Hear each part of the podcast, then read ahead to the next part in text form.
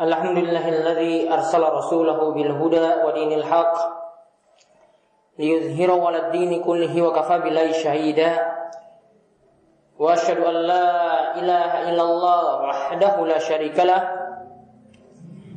وأشهد أن محمدا عبده ورسوله اللهم صل على نبينا محمد وعلى آله ومن تبعهم بإحسان إلى يوم الدين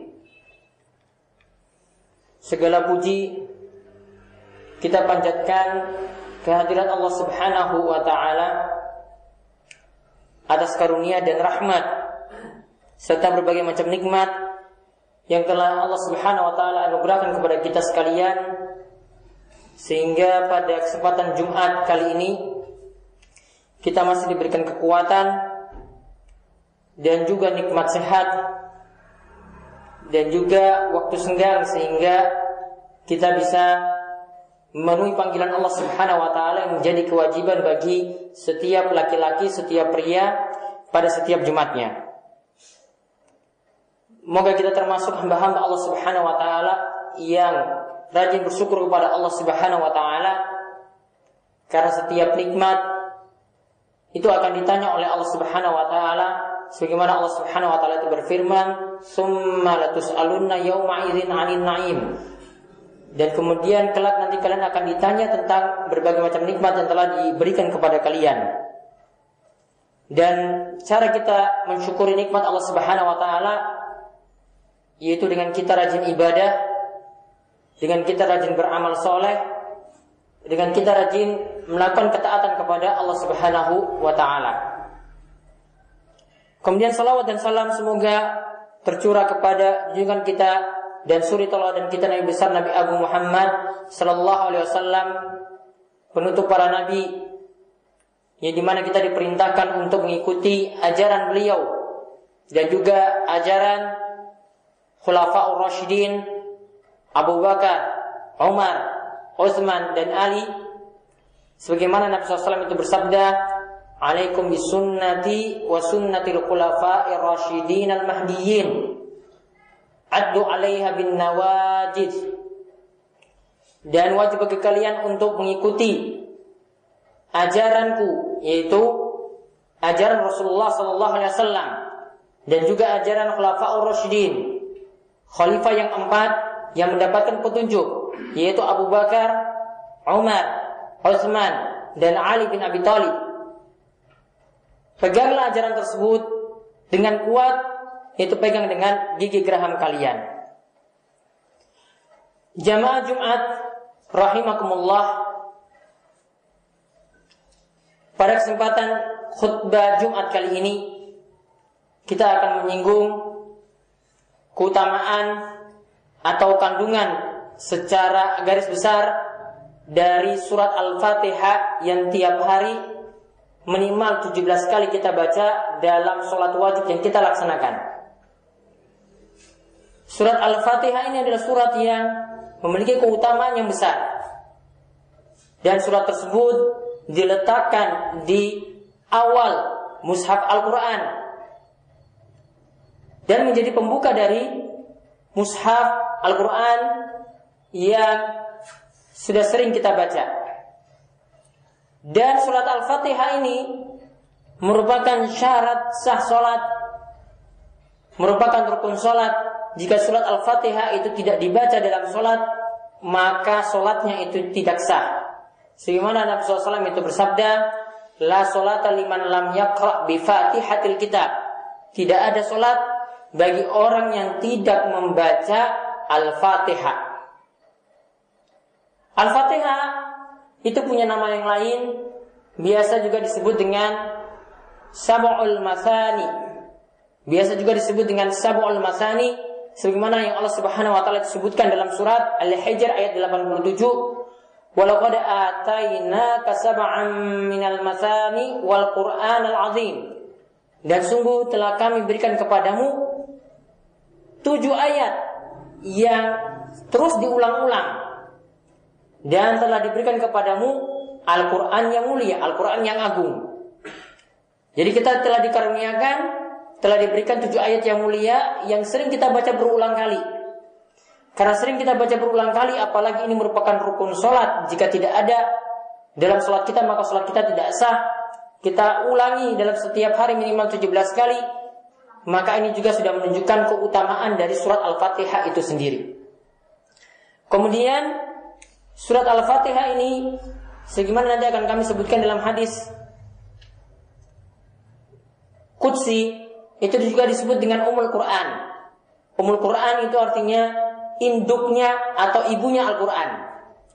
Yang namanya induk, sebagaimana kita lihat, kalau induk berarti setiap ada segala sesuatu masalah atau segala macam masalah itu nanti dikembalikan kepada induk tersebut. Maka seluruh ayat Al-Quran itu nanti yang jadi rujukannya adalah kembali kepada surat Al-Fatihah. Itu akan kembali kepada surat Al-Fatihah. Jadi seluruh isi Al-Quran itu nanti akan kembali pada surat yang mulia ini yaitu surat Al-Fatihah. Begitu juga surat Al-Fatihah itu disebut dengan solat. Surat Al-Fatihah itu disebut dengan solat. Kenapa disebut dengan solat? Karena para ulama itu katakan bahwasanya solat itu tidak kelasah sampai ada Al-Fatihah di dalamnya. Masalah yang lainnya ini e, berkaitan dengan solat ketika kita itu menjadi makmum, bukan menjadi imam kita berada di belakang imam sedang mendengar imam itu membaca Al-Fatihah. Maka para ulama berselisih pendapat, ada yang mengatakan bahwasanya makmum tetap membaca Al-Fatihah, ada yang mengatakan bahwasanya bacaan imam Al-Fatihah tadi itu sudah menjadi bacaan makmum, jadi makmum tidak perlu lagi membaca Al-Fatihah. Pendapat yang lebih kuat adalah pendapat yang dipilih oleh Syekhul Islam Ibnu yang mengatakan bahwasanya jika makmum itu mendengar bacaan imam seperti dalam sholat maghrib, sholat isya, dan sholat subuh, maka bacaan imam itu sudah cukup bagi makmum. Bacaan imam itu sudah cukup bagi makmum. Jadi makmum tidak perlu lagi membaca al-fatihah, dia cuma mendengarnya saja. Sedangkan dalam sholat yang sir, sholat yang tidak dikeraskan suaranya seperti sholat zuhur ataupun sholat asar, maka makmum diperintahkan membaca al-fatihah masing-masing. Kemudian kita lihat ada pembahasan yang sangat menarik yang disebutkan dalam hadis kutsi. Hadis kutsi itu adalah hadis yang maknanya itu dari Allah Subhanahu wa taala dan lafaznya ucapannya itu dari Nabi kita Muhammad sallallahu alaihi wasallam. Hadis kutsi ini berasal dari Abu Hurairah di mana Nabi SAW itu bersabda, "Man shalla salatan lam yaqra fiha bi umil Qur'an fahya qidat."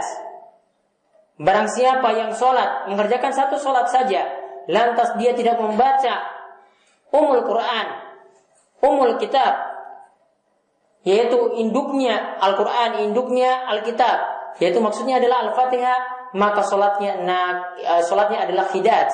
Yang dimaksudkan di sini adalah sholatnya itu tidak sah. Jadi dari kandungan hadis ini disebutkan Nabi SAW sampai tiga kali hidat, hidat, hidat, yang maksudnya adalah orang yang tidak membaca Al-Fatihah dalam sholatnya, sholatnya itu tidak sah. Namun riwayat ini dikatakan goyir tamam, tidak sempurna.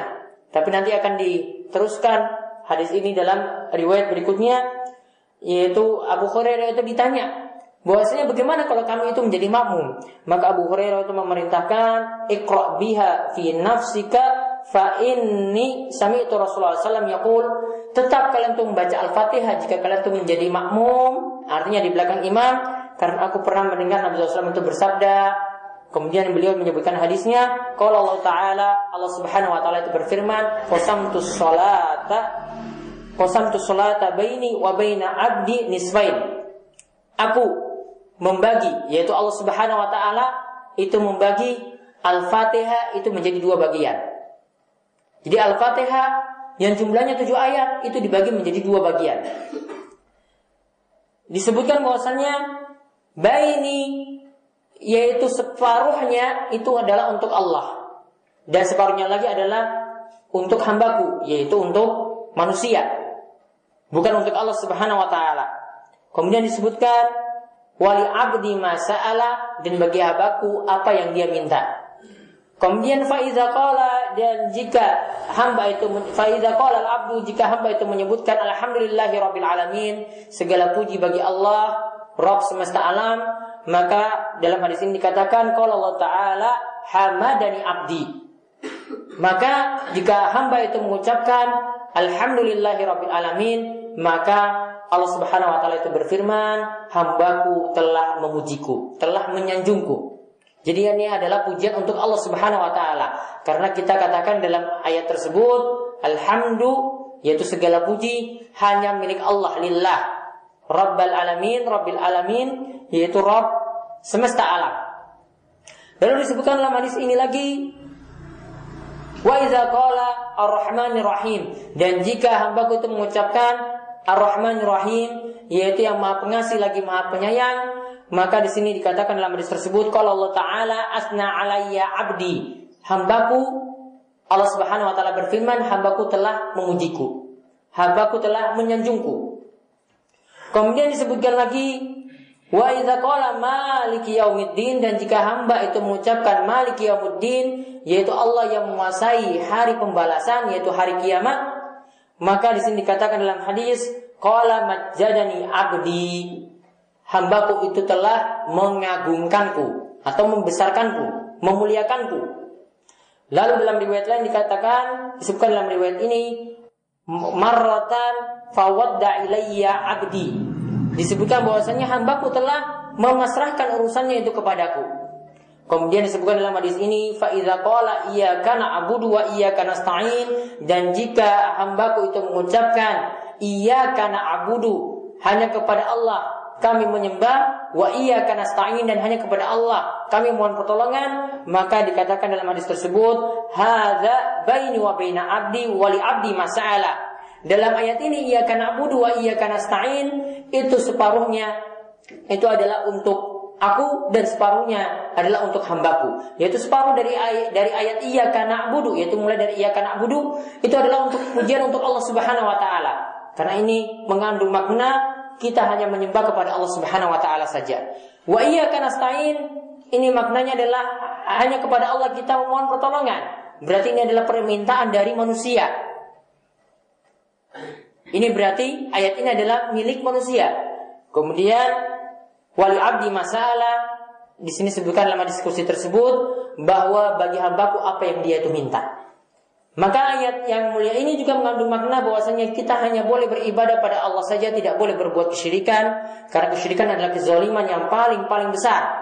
Dan dalam ayat ini juga mengandung makna bahwasanya kita hanya boleh meminta tolong dalam masalah doa, meminta pertolongan yang di mana doa tersebut itu hanya bisa dikabulkan oleh Allah Subhanahu Wa Taala saja maka kita hanya boleh berdoa pada Allah, tidak boleh berdoa pada yang lainnya. Tidak boleh kita minta pada kuburan, tidak boleh kita minta pada pohon, tidak boleh kita meminta menjadikan perantara kepada makhluk yang lainnya selain Allah Subhanahu wa taala. Kemudian dalam akhir hadis dikatakan fa idza qala ihdinas siratal mustaqim siratal ladzina an'amta 'alaihim ghairil maghdubi 'alaihim waladdallin jika hambaku itu mengucapkan ihdinas siratal mustaqim ya Allah tunjukkanlah kami jalan yang lurus siratal ladzina an'amta alaihim, yaitu jalan orang yang engkau beri nikmat. Gairil makdubi alaihim yaitu bukan jalan yang engkau murkai, bukan jalan orang yang engkau murkai, waladhalin dan bukan juga jalan orang-orang yang engkau sesatkan. Maka ayat ini mengandung makna bahwasanya kita di sini memohon pada Allah Subhanahu wa taala supaya kita diberikan jalan yang lurus. Jalan yang lurus itu bagaimana? Jalan yang lurus adalah seperti jalan yang telah Allah Subhanahu wa taala berikan kepada orang-orang sebelum kita. Dan orang-orang sebelum kita yang telah diberikan nikmat jalan yang lurus itu adalah jalannya Nabi dan para sahabat radhiyallahu anhum. Maka kita diperintahkan untuk dalam kita itu beragama mengikuti Al-Qur'an, mengikuti hadis ditambah kita mengikuti ajaran Nabi kita, ajaran para sahabat mulia yaitu para murid dari Nabi kita Muhammad sallallahu alaihi wasallam. Kemudian dikatakan dalam hadis ini jika hamba itu menggunakan menyebutkan ihdinas siratal mustaqim sampai akhir hadis sampai akhir ayat maka di sini dikatakan hadza abdi wa li abdi masa'ala. Ini adalah permintaan dari hambaku dan hamba dan bagi hambaku apa yang dia minta. Jadi kalau kita meminta ditunjukkan pada jalan yang lurus dan kita sungguh-sungguh untuk menggapai jalan tersebut, maka niscaya kita akan dimudahkan juga untuk menggapai jalan yang lurus.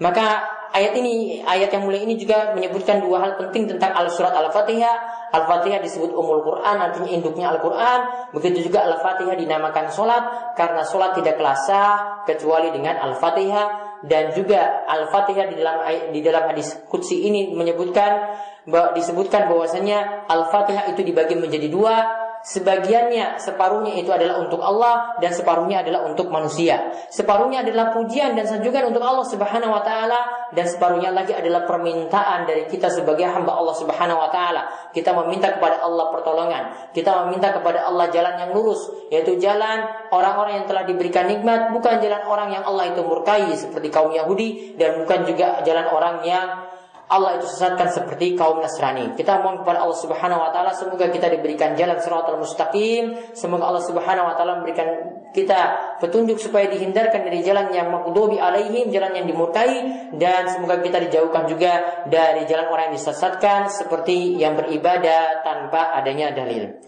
Demikian khutbah pertama ini aku qouli hadza wastaghfirullah li wa muslimin innahu was-sami'ul alim.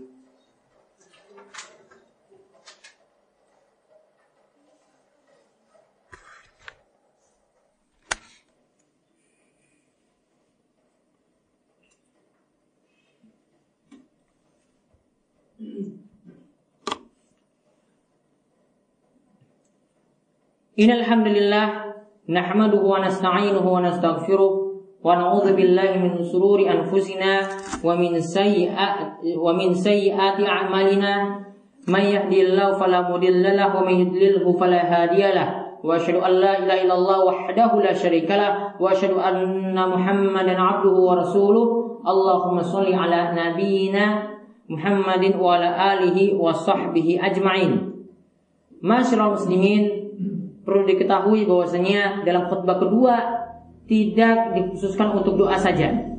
Yang namanya khutbah kedua bisa juga diisi lagi dengan ceramah karena demikianlah yang dipraktekkan oleh Nabi kita Muhammad SAW dan juga dipraktekkan oleh para sahabat. Kita lihat dalam surat Al-Fatihah juga ada kandungan yang mulia dan Al-Fatihah juga biasa disebut dengan nama ruqyah. Karena ruqyah itu adalah maknanya kita menyembuhkan orang lain yang sedang dalam keadaan sakit dengan membacakan ayat Al-Quran. Pernah ada suatu kisah di mana kisah ini disebutkan dalam hadis dari Abu Said Al-Khudri. Abu Said Al-Khudri itu pernah menyebutkan ada sekelompok sahabat Rasulullah SAW itu pernah melewati suatu kampung. Kemudian mereka mampir di kampung tersebut. Kemudian mereka minta agar diberi jamuan. Artinya diberikan seperti layaknya tamu. Namun penduduk kampung tersebut enggan untuk menjamu para tamu dari para sahabat tadi. Kemudian tiba-tiba ada di antara pembesar, yaitu pemuka, orang-orang penting yang ada di kampung tersebut itu yang terkena sengatan binatang atau dikatakan bahwasanya dia terkena demam. Kemudian Sengatan ini bisa disembuhkan atau demam ini bisa disembuhkan dengan cara ruqyah, yaitu membacakan ayat Al-Qur'an. Kemudian penduduk kampung tersebut mendatangi para sahabat tadi, kemudian tanya kepada para sahabat, siapa di antara kalian itu yang bisa membacakan ruqyah, membacakan ayat Al-Quran untuk pembesar kampung kami ini yang dalam keadaan sakit. Kemudian akhirnya di antara para sahabat katakan, iya saya bisa. Kemudian sahabat tersebut kemudian akhirnya membacakan surat Al-Fatihah ya tujuannya cuma untuk menyembuhkan pembesar tadi yang dalam keadaan sakit. Kemudian dibacakan surat Al-Fatihah Bismillahirrahmanirrahim Alhamdulillahirabbil alamin arrahmanirrahim maliki yaumiddin iyyaka na'budu wa iyyaka nasta'in ihdinas siratal iyyaka na'budu wa iyyaka nasta'in dan seterusnya. Sampai akhir ayat kemudian akhirnya si pembesar tadi yang dalam keadaan sakit itu sembuh. Sembuh dari penyakit tadi, sembuh dari sengatan tadi atau dari demam tadi, lalu kemudian akhirnya para sahabat ini yang menyembuhkan tadi dengan izin Allah Subhanahu wa taala kemudian diberikan satu ekor kambing. Diberikan satu ekor kambing kemudian sahabat ini disebutkan dalam hadis dia nggak mau menerimanya. Ini jadi dalil bahwasanya boleh kita meruqyah atau membacakan ayat Al-Qur'an di antaranya adalah surat Al-Fatihah. Di antaranya adalah surat Al-Fatihah untuk menyembuhkan orang sakit. Di antaranya adalah surat Al-Fatihah untuk menyembuhkan orang sakit dan ini adalah sangat ampuh jika kita sertai dengan tawakal pada Allah Subhanahu wa taala, bergantung hati kita kepada Allah Subhanahu wa taala untuk menyembuhkan suatu penyakit. Nah, kemudian dibacakan uh, diceritakan kisah tadi orang yang menyembuhkan tadi kepada Nabi SAW. Kemudian Nabi SAW itu ceritakan bahwasanya sahabat ini cuma menyembuhkannya dengan membaca surat Al-Fatihah. Kemudian akhirnya Nabi SAW itu, itu tersenyum karena melihat kok cuma baca Al-Fatihah saja itu bisa sembuh. Lalu Nabi SAW kemudian tanya kepada sahabat tadi, dari mana engkau bisa tahu bahwasanya surat Al-Fatihah itu bisa menjadi bacaan ketika meruqyah, ketika membacakan ayat Al-Quran pada orang sakit. Maka akhirnya di sini dapat pelajaran penting bahwasanya surat Al-Fatihah itu bisa kita gunakan juga untuk menyembuhkan orang sakit ini di antara keutamaannya. Maka masyarakat muslimin rahimani wa rahimakumullah jamaah salat Jumat yang semoga dirahmati oleh Allah Subhanahu wa taala. Surat Al-Fatihah ini adalah surat yang sangat sederhana sekali dan kita sering kali mengulanginya bahkan setiap orang itu sudah menghafalkannya. Maka karena kandungannya itu yang begitu besar dan insya Allah nanti kandungan dari surat Al-Fatihah akan kita kaji dalam khutbah Jumat yang lainnya. Namun pada kesempatan kali ini cuma kita sampaikan beberapa keutamaan surat Al-Fatihah beberapa nama lain dari surat Al-Fatihah. Al-Fatihah biasa disebut juga dengan Sabul Masani, biasa juga disebut dengan Umul Quran, induknya Al-Quran, biasa juga disebut dengan Ruqyah, biasa juga disebutkan dengan sholat, biasa juga disebutkan dengan kafiyah, artinya yang mencukupi. Maka dengan kita merenungkan ayat-ayat semacam ini, atau kita mempelajari ayat-ayat Al-Quran ayat-ayat Al-Quran seperti ini menguasai tafsirnya, menguasai apa kandungan yang terkandung dalamnya, atau juga keutamaannya, maka kita akan mendapatkan petunjuk dan rahmat dari Allah Subhanahu wa taala. Allah Subhanahu wa taala berfirman dalam surat An-Nahl, "Wa ma anzalna 'alaikal kitaba illa litubayyana lahum alladzi ikhtalafu fihi wa hudaw wa rahmatan liqaumin yu'minun." Dan tidaklah kami menurunkan Al-Qur'an itu kecuali untuk menyelesaikan perselisihan di antara kalian, di antara mereka yaitu manusia dan juga sebagai petunjuk dan rahmat bagi orang-orang yang beriman. Mudah-mudahan Al-Quran itu bisa menjadi petunjuk dan juga menjadi rahmat bagi kita sekalian. Mudah-mudahan kita bisa ditunjuki kepada jalan yang benar dengan terus kita mengkaji dan merenungi ayat-ayat Al-Quran yang ada. Masyaallah muslimin, rahimani wa rahimakumullah dalam khutbah Jumat yang mulia ini dan juga karena keutamaan hari Jumat yang penuh barakah kita diperintahkan oleh Nabi kita Muhammad SAW untuk banyak-banyak bersalawat kepada beliau. Inna Allah wa malaikatahu yusalluna ala nabi Ya ayyuhalladzina amanu sallu alaihi wa sallimu taslima. Allahumma salli ala Muhammad wa ala ali Muhammad kama sallaita ala Ibrahim wa ala ali Ibrahim innaka Hamidum Majid. Allahumma barik ala Muhammad wa ala ali Muhammad kama barakta ala Ibrahim wa ala ali Ibrahim innaka Hamidum Majid. Mari kita berdoa kepada Allah Subhanahu wa taala. Semoga Allah Subhanahu wa taala memperkenankan setiap doa-doa kita pada hari Jumat yang penuh barokah ini. Allahumma kfir lil muslimina wal muslimat wal mu'minina wal mu'minat al ahya'i minhum wal amwat. Innaka sami'un qaribun mujibud da'wat. Rabbana zulamna anfusana wa illam taghfir lana wa tarhamna lanakunanna minal khasirin. Ya Allah ya Rabb kami kami telah menganiaya diri kami sendiri. Jika engkau tidak mengampuni kami dan beri rahmat kepada kami pastilah kami termasuk orang-orang yang merugi. Rabbana Rabbana atina fid dunya hasanah wa fil akhirati hasanah wa qina adzabannar. Rabbana atina fid dunya hasanah wa fil akhirati hasanah wa qina adzabannar. Rabbana atina fid dunya hasanah wa fil akhirati hasanah wa qina adzabannar. Ya rabb kami berilah kami kebaikan di dunia dan kebaikan di akhirat. Dan peliharalah kami dari siksa neraka yang begitu pedih ya Allah ya rabb kami berilah kami kebaikan di dunia dan di akhirat dan peliharalah kami dari siksa neraka yang pedih ya Allah ya rabb kami berilah kami kebaikan di dunia dan di akhirat dan pelihara peliharalah kami dari siksa neraka yang pedih.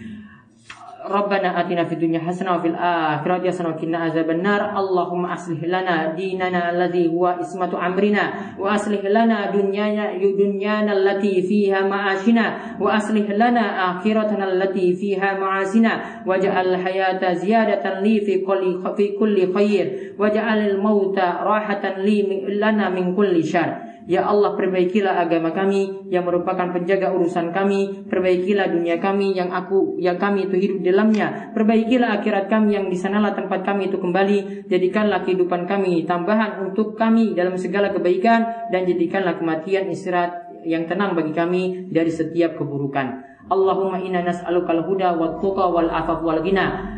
Ya Allah, kami meminta kepadamu hidayah dan ketakwaan dan kekayaan. Ya Allah, kami minta kepadamu hidayah dan ketakwaan. Ya Allah, kami minta kepadamu hidayah dan ketakwaan. Rabbana atina fid dunya hasanah wa fil akhirati hasanah wa qina azabannar. Aku qouli hadza wa astaghfirullah li wa lisa'il muslimin innahu was samiul alim.